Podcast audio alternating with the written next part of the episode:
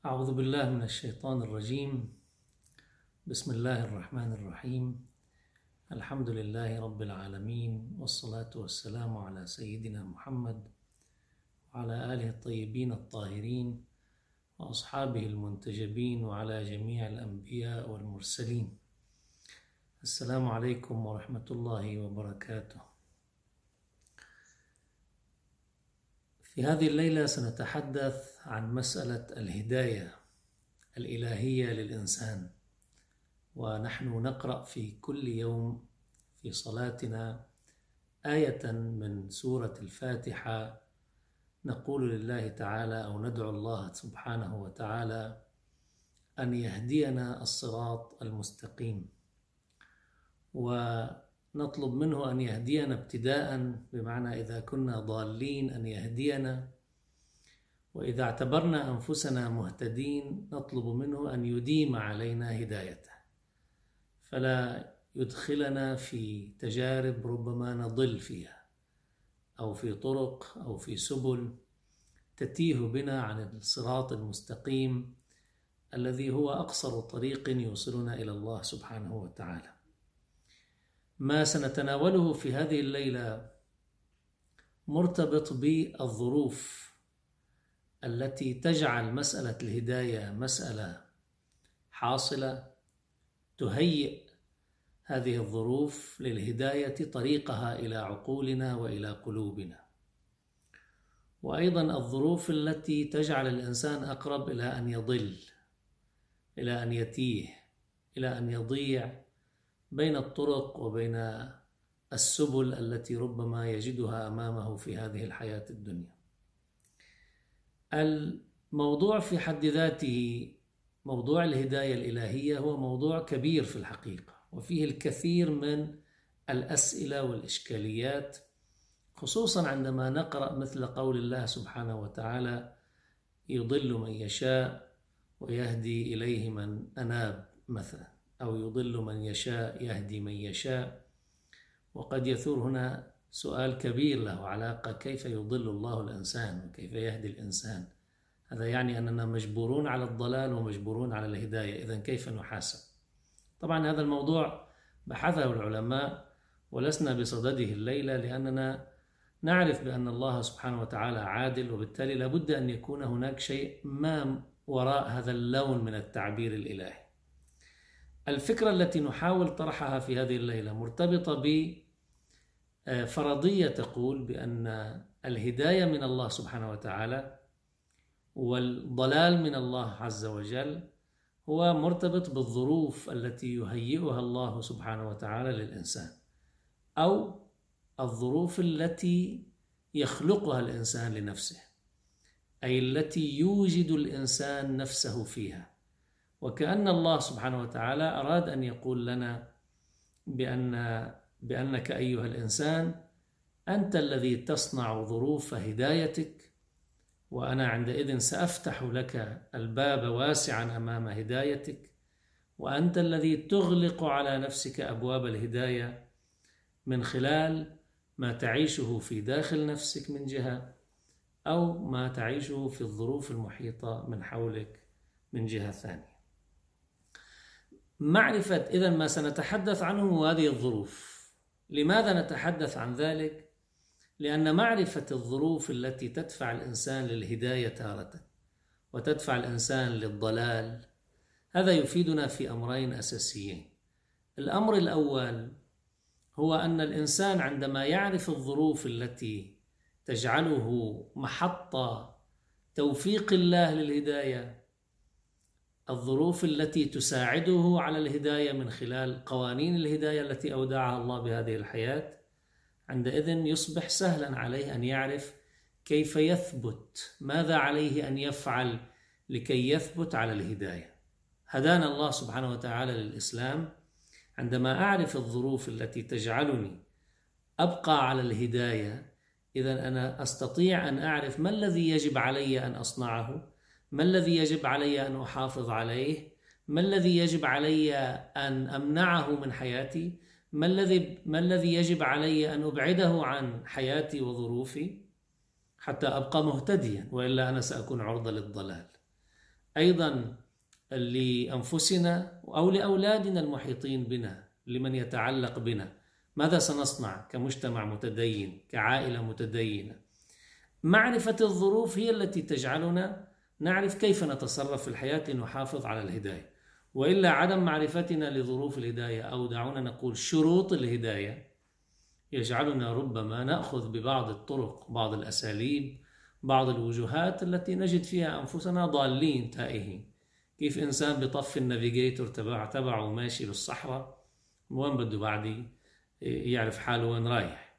إذا لا يعرف كيف يهتدي طريقه من خلال النجوم يعرف كيف يهتدي طريقه من خلال بعض الحسابات بعض ربما الطرق التي يهتدي بها. إنسان بضل بالصحراء يضل بالبحار إذا كان يتحرك يضل وبالتالي دائما الإنسان بحاجة إلى بوصلة. هذه الظروف اليوم هاي الشروط التي سنتحدث عنها هي بمثابة البوصلة التي تقول لنا أيها الإنسان إذا كنت تعتبر نفسك مهتديا فهذه الشروط حافظ عليها حتى تبقى مهتديا. إذا أخليت فيها بها أو بواحد منها فأنت عرضة للضلال. على الأقل فتحت على نفسك باب من أبواب الضلال. تفيدنا أيضا في الجانب الثاني أن معرفة الشروط عندما نريد أن ندعو الآخرين إلى ما نؤمن به نعرف عندئذ ما الذي علي يجب علينا أن نفعله. مش مجرد والله أنه أنا بفترض طلعت رحت عند واحد صديقي وحكيته والله عن الإسلام وبعض الأمور التي أنا أعتبرها أساسية وأؤمن بها خلاص مشي حاله أخونا وبالتالي لابد أن يهتدي. فإذا لم يهتدي فعليه لعنة الله والملائكة والناس أجمعين خلاص سكرنا الموضوع خلص الملف. لا مش هيك. الموضوع لما بيكون مرتبط بشروط أو مرتبط بظروف يجب تأمين البيئة عندئذ لدى الآخر حتى نقول له بعد ذلك أو مع ذلك. نجي بنحكيه وبنخبره ونحاوره في أموره. لكن بده يكون عندنا وسائل مهيئة. هاي الوسائل كيف تتهيأ؟ نتيجة نظرتنا إلى ما عند هذا الآخر. كيف ذهنيته بتتحرك؟ شو الظروف اللي حواليه آه، مع مين بيتعاطى؟ مندمج بأي مجموعة من المجموعات؟ وهكذا. هذه الشروط طبعا نحن ما حنتأمل فيها هيك بالهواء ونأتي بها من من بنات أفكارنا. وإنما الله سبحانه وتعالى في معرض حديثه في القرآن الكريم عن الهداية هو أشار إلى هذه الجوانب بشكل متفرق. نحن نقوم الليلة بتجميع هذه أو على الأقل مجموعة كبيرة من هذه الشروط التي اعتبرناها شروط في معرض حديث الله سبحانه وتعالى عن كيف يهدي من يشاء وكيف يضل من يشاء. فالله مش بيهدينا بمعنى أنه بينزل علينا الهداية بالسلة. لا الله يهدينا بحيث أن هناك شيء نقوم به نحن طرف من الناس طرف من الإنسان وطرف من الله سبحانه وتعالى. من قبيل والذين جاهدوا فينا لنهدينهم سبلنا. يعني أنت بتقوم باللي عليك الله بيمدك الله بيعطيك وهكذا. بالضلال أيضا كذلك. مش بمعنى أنه الله سبحانه وتعالى يختار للإنسان الضلال لأنه إذا كان الموضوع هيك فنحن بنكون مجبورين على الانحراف. ليش الله بده يحاسبنا بعدين؟ أبدا الموضوع ليس كذلك. الآيات التي تتحدث لو تأملنا فيها بعمق الآيات اللي بتتحدث عن الهداية والضلال من الله سبحانه وتعالى إنما تريد أن تلفتنا إلى شروط وإلى ظروف وإلى أوضاع إذا وإلى قوانين إذا أردنا أن نحصل على الهداية يجب أن نفعل هذه القوانين وإذا أردنا أن نبتعد عن الضلال أيضا لابد أن نلتفت إلى هذه القوانين وهذه الشروط وهذه الظروف. طبعا يبقى دائما الدعاء لله سبحانه وتعالى بأن يلهمنا السير على ذلك والثبات على ذلك، يعني نحن لا نستغني عن العلاقة بالله، الارتباط بالله، الدعاء لله، الحاجة إلى الله لا نستغني عنها في أي لحظة من لحظات حياتنا إذا أردنا أن نستعرض بعناوين سريعة هذه المفردات أو هذه الظروف أو هذه الشروط أو هذه القوانين لي سنتحدث عن الجانب السلبي وهو يفيدنا بمعرفة الجانب الإيجابي. من الذين لا يهديهم الله سبحانه وتعالى؟ من الذين يضلهم الله عز وجل؟ في عندنا مجموعة من العناوين يمكن طلع معي أنا حوالي 8 أو 9 عناوين يمكن أن نستعرضها بشكل سريع مع بعض الإشارات العملية في حياتي. من أول العناوين وأكثر العناوين ربما أو من أكثر العناوين تكرارا الظلم. الله لا يهدي القوم الظالمين. الله لا يهدي القوم الظالمين. بأكثر من مورد بأكثر من آية يتكرر هذا التعبير. الإنسان الذي يظلم نفسه بمعنى أنه هو يعرف الحق يعرف حقوق الناس عليه يعرف حقوق الله سبحانه وتعالى عليه يعرف حق نفسه عليه يعرف حق حياته عليه ولكن هذا الإنسان يظلم يظلم نفسه بالمعصية يظلم ربه أيضا بالمعصية وبالانحراف يظلم الناس من حوله من حول ممن حوله بأن يسيطر على أو يعتدي على حقوقهم. هؤلاء الناس الذين لديهم هذه الروحية عليهم أن يعرفوا بأنهم عرضة للضلال. لماذا؟ لأن نفسه التي تتحرك في داخله هي لا تحتكم إلى منظومة لا تحتكم إلى قاعدة وإنما هوى الإنسان هو الذي يتحرك. رغبة الإنسان في السيطرة والاستيلاء على مقدرات الناس. آه، شعور الإنسان بالقوة وبالسلطة وبال ربما بالعلو والكبرياء والاستكبار على الآخرين نتيجة والله امتلاكه لأدوات القوة.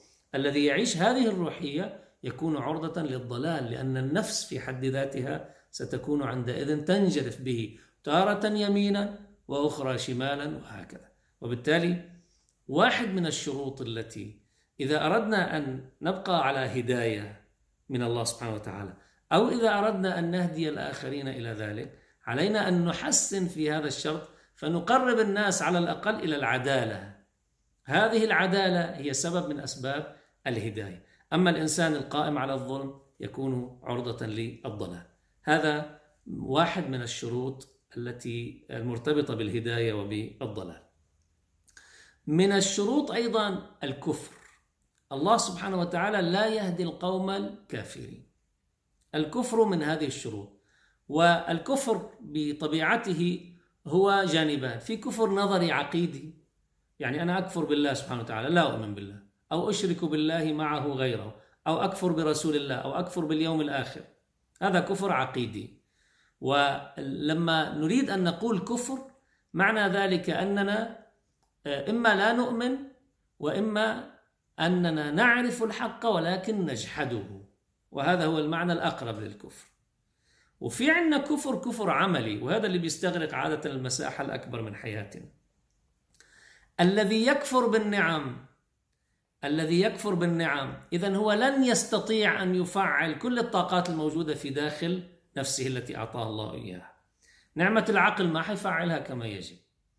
نعمة الاستخدام الوسائل في سبيل أن يعرف أكثر أن آه، ربما يدرك أمور أبعد من دائرة ما يعطيه إياه مجتمعه ثقافته. طيب هذا الإنسان إذا كان ما بيستغل هاي النعم ما بيبحث. عندك نعمة البحث نعمة الاكتشاف.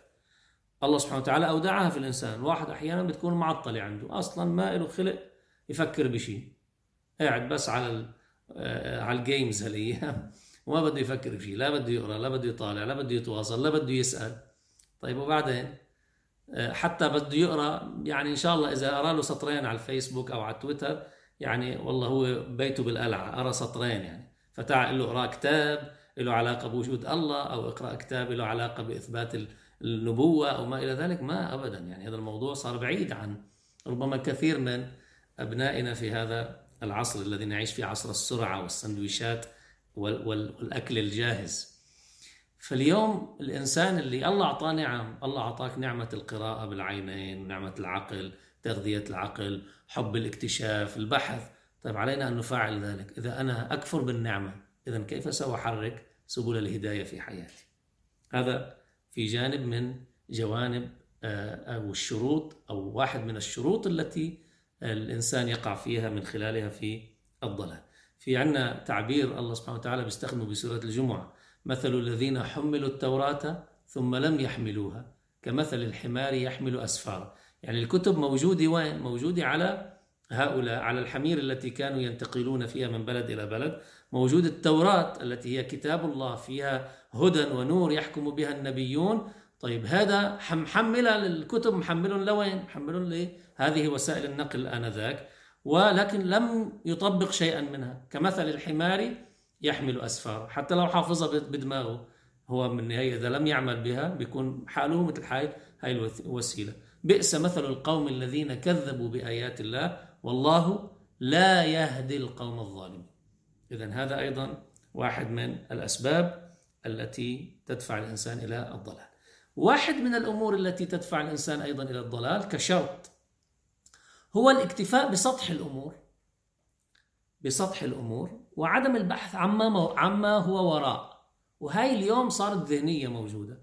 بيقول لك أنا ما إلي شو بدي أنا؟ أنا عايش بالدنيا قدامي هاي الدنيا بظواهرها أنا بدي تعب حالي وأبحث عما وراء المادة والميتافيزيقيا وفي في عالم آخر. أنا عندي بولد بحيا ونموت وما يهلكنا إلا الدهر. وبالصدفة نحن خلقنا وبقانون التطور جينا وما إلى ذلك من نظريات وإلى آخره.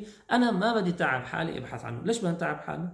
نحن موجودين. في عنا شغلات أخذناها for granted مثل ما بيقولوا وأنا خلص ما بتعب حالي بعدين لا ببحث عما وراء وكذا.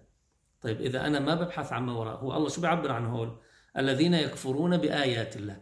كلمة آيات الله اللي كتير واردة في القرآن الكريم هي العلامة التي تدل على شيء خلفها.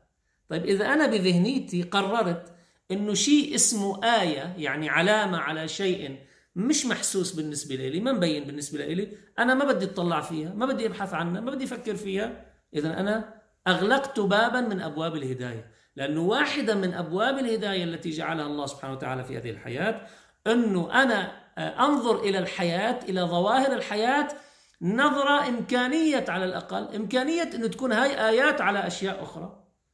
ليش الإنسان العلم أصلا بيتطور من دون هذا اللون من الآيات في في الحياة؟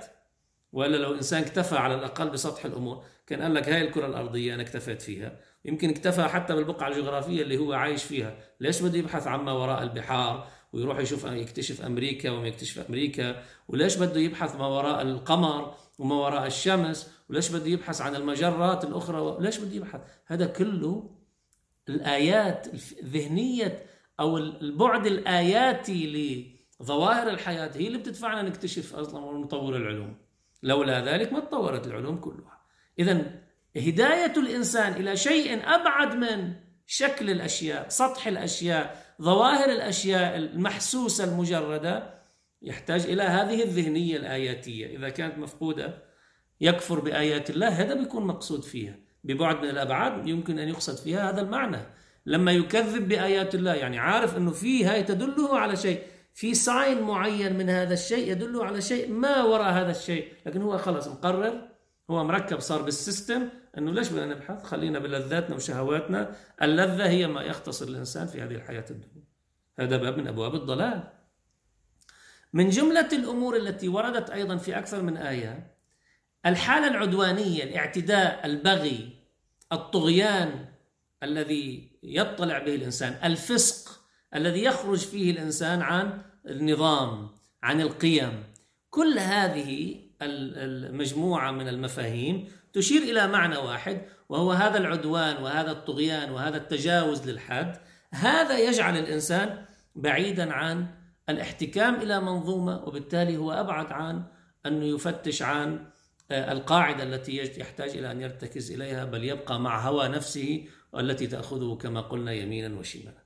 هذا الشرط الرابع من شروط الهداية من جهة أو الضلال من جهة أخرى. من جملة أيضا الشروط التي آه، أيضا أشرنا إليها هي سيادة تأثير الهوى. أفرأيت من اتخذ إلهه هواه؟ يعني أنا بعبد هواي مثل هلا بال بعض الاتجاهات الآن السائدة في العالم بيقول لك هوى الإنسان هو هو الذي يقوده في الحياة. يعني هو القاعدة التي يستند عليها يعني عمليا هو الرب الذي يعبده من دون أي رب آخر. أفرأيت من اتخذ إلهه هواه؟ ما عندنا علم؟ لا عندنا علم. وأضله الله على علم. يعني عندنا معرفة. طورت علومنا كثير لكن نحن نضل. ليش نضل؟ لأنه اتخذنا الهوى إلها من دون الله سبحانه وتعالى. هذا واحد من موجبات الضلال في الحياة. بل اتبع الذين ظلموا أهواءهم بغير علم. فمن يهدي من أضل الله. من جملة أيضا الشرط السادس من شروط الهداية والضلال هو الانبهار بزينة الأشياء. هذا بيلتقي شوي مع الشيء اللي حكيناه عن الاكتفاء بسطح الأمور؟ لكن هذا بدل على شوي بعد نفسي بمعنى أنه الإنسان هو جاعل نفسه فقط ينبهر بالأشياء بظواهرها كمان ما بده ينفذ إلى أعماقها. أفمن زين له سوء عمله فرآه حسنا. هيك انبهر فيه شاف شكله. آه والله آه قدرنا نعمل تسويق لهذه الفكرة وهي الفكرة تبهر الآخرين لكن من جوا ما في شيء. أمر فارغ. طيب هذا إذا أنا أنا آخر شيء ما سأحتك به هو الشكل والله كل كل الشيء حيجي لعندي. هلا إذا في ستاف معين انعمل لي له إعلان مرتب وأنا تأثرت فيه ورحت اشتريته. طيب أنا لما اشتريته بشتري الصورة اللي انعمل فيها الإعلان بشتري السيناريو اللي انعمل على أساسه الإعلان وتقدم لي فيه تقدمت لي فيه هي السلعة أبدا. أنا بشتريه للسلعة مثل ما هي. فبالتالي إذا كانت إذا كانت مش خرج ما بتشتغل صح ما بستفيد منها كتير مش مثل الصورة اللي أنا انطبعت في ذهني من خلال الإعلان اللي شاهدته إذا أنا اللي حأخسر بالنهاية. وبالتالي الله سبحانه وتعالى بيقول أفمن زين له سوء عمله فرآه حسنا فإن الله يضل من يشاء. نتيجة هذا التزيين. وبالتالي أنا إذا بدي أهتدي عندئذ بحاجة أنه دائما فكر بعمق ما وراء الأشياء. بشوف أنا مثلا عم ينعرض علي stuff بشوف اللي معلقين عليه اللي اشتروه قبل خصوصا هالأيام في عندنا بنلاقي بال biography تاعو السلعة والمشتريات. في ناس معلقة بتقول لك هذا أنا جبته ما استفدت منه مثل ما ومش مبين مثل ما هو آه، يعني ليس كما هو مبين لنا وهكذا. فبنشوف التعليقات بنسأل عنه بنسأل عن تجارب أخرى بندقق أكثر وهكذا. أيضا الشرط السابع هو من شروط الضلال هو أن نخاف ونسقط حضاريا تحت تأثير الحضارات الأخرى والآخرين. هذا من شروط الضلال. ليش؟ لأنه إذا بسقط أنا نفسيا أمام الآخرين أنا شخصية مستقلة بعد ما عندي. إذا أنا عندي شغلات بعرفها أنه هي حق لكن أنا مضطر. هذا النظام المالي العالمي اليوم الاقتصادي اللي قائم على الربا وقائم على الجشع وقائم على الطمع والربح بشكل دائم وأضعافا مضاعفة طيب أنا بعرف أنه الربا مضر بحياة الناس. الاقتصاد الحقيقي هو الاقتصاد الذي هو قائم على أسيتس موجودة بالحياة. يعني هناك شيء موجود حقيقي مادي موجود على أساسه يتم الإنتاج والاستمرارية بالإنتاج بشكل دائم. أما المال ينتج مال بشكل دائم يوصل لمرحلة هذا يؤدي إلى يعني تراكم الثروة في أيدي مجموعة صغيرة من الناس بينما الناس كلهم هن مديونين لكل هؤلاء وهذا اللي صاير اليوم بالعالم. طب أنا بعرف ذلك. لكن أنا ساقط حضاريا. كيف بدنا نعيش بلا مصارف؟ كيف بدنا نعيش بلا هالنظام المصرفي؟ ما فينا نعدل فيه شيء. هذا ال system take it or leave it يعني خلص نسقط حضاريا نحن وأحوال الآخرين حتى لو بعرف عندئذ الحقائق الأخرى وما يصلح الإنسان أنا ساقط نفسيا أمام الآخرين. ما بتخيل حالي قادر أعيش من دون هذا السيستم الموجود العالم. أليس الله بكاف عبده ويخوفونك بالذين من دونه؟ ومن يضلل الله فما له من هاد. هذا ناتج شو؟ ناتج عن السقوط الحضاري أمام الآخرين. أيضا من الأمور التي ذكرها الله سبحانه وتعالى من أسباب الضلال طبعا أن نتخذ الشياطين أولياء. يعني أنا دائما بسمع لمين؟ للشياطين. هلأ هون شياطين الجن وفينا نسمع على شياطين الإنس اللي هن كتار بهالحياة اللي هن أكثر من شياطين الجن. يمكن شياطين الجن يطلعوا كتير أقلية بالنسبة لشياطين الإنس. أصلا بعض الناس بيعطوا إبليس دروس في الشيطان صار. هل نحن نتخذهم أولياء؟ هؤلاء الذين نربط حياتنا بحياتهم نربط نموذجنا بنموذجهم نربط آه، مستقبلنا بمستقبلهم. هيك نتصرف مع هؤلاء؟ إذا نحن حصرنا وجهة حياتنا مع هؤلاء وبالتالي أسباب الضلال بتصير أقرب إلينا. أيضا الأمر التاسع والأخير بحسب الإحصائية طبعا ممكن بعد نوصل لأكثر من ذلك هو الاندماج الاجتماعي مع جماعات أخرى. في جماعات بنعتبرها يمكن ابتداء نعتبرها أنه عندها ضلال. نعتبرها أنه هاي جماعات ليست جماعات ربما آه، تمثل الهداية. على الأقل ببعض الأفكار عندنا يمكن بعض الأفكار العقائدية اختلاف الأديان بين بعض البعض. طيب أنا إذا كنت أريد الهداية وأنا مندمج كليا مستلب فكريا أمام الآخرين. بالتالي كيف لي أن أحصل على الهداية عندئذ؟ إذا ما عندي نوع من النقد للآخر إذا ما عندي نوع من التفكير المستقل إذا أنا عرضة للضلال نتيجة الاندماج الاجتماعي. طيب إذا أخذنا كل هاي الشروط وفكرنا فيها كما يجب نقدر نلاقي أنه نحن إذا أردنا أن نستديم الهداية فأولا لازم نعزز ثقتنا بأنفسنا ثقتنا بالله أن لا نتخذ الشياطين أولياء. أيضا أن لا نكون من الظالمين أن يكون لدينا البعد الآياتي في النظر إلى الكون إلى ظواهر الحياة وهكذا. أن لا نندمج اجتماعيا مع الآخرين الذين نعتبرهم ضالين أو لا يكون لدينا حس نقدي لهؤلاء. كل هاي تعزز لدينا فرص الهداية. أما إذا إذا كان عندنا حس نقدي يعزز لنا فرص الهداية. أما إذا كنا آه، أمام آه، يعني النفي لكل ذلك فنحن سيكون يعني الظرف والبيئة والشروط مؤاتية لأن نضل في الحياة. هيك بصير الله يكون الهداية يهدي من يشاء بهذا المعنى أن هناك قوانين للهداية هذه هي. مش على ذوقنا بنهدي وما بنهدي. نروح فتش عن القوانين. هون الله سبحانه وتعالى جعل الهداية. روح فتش عن قوانين الضلال. هنا الله سبحانه وتعالى جعل الضلال لمن يشاء.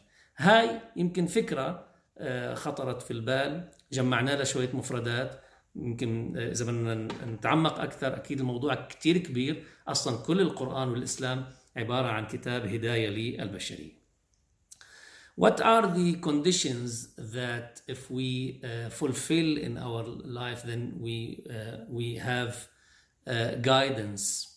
And what are, uh, on the opposite side, what are the conditions of misguidance or uh, straying?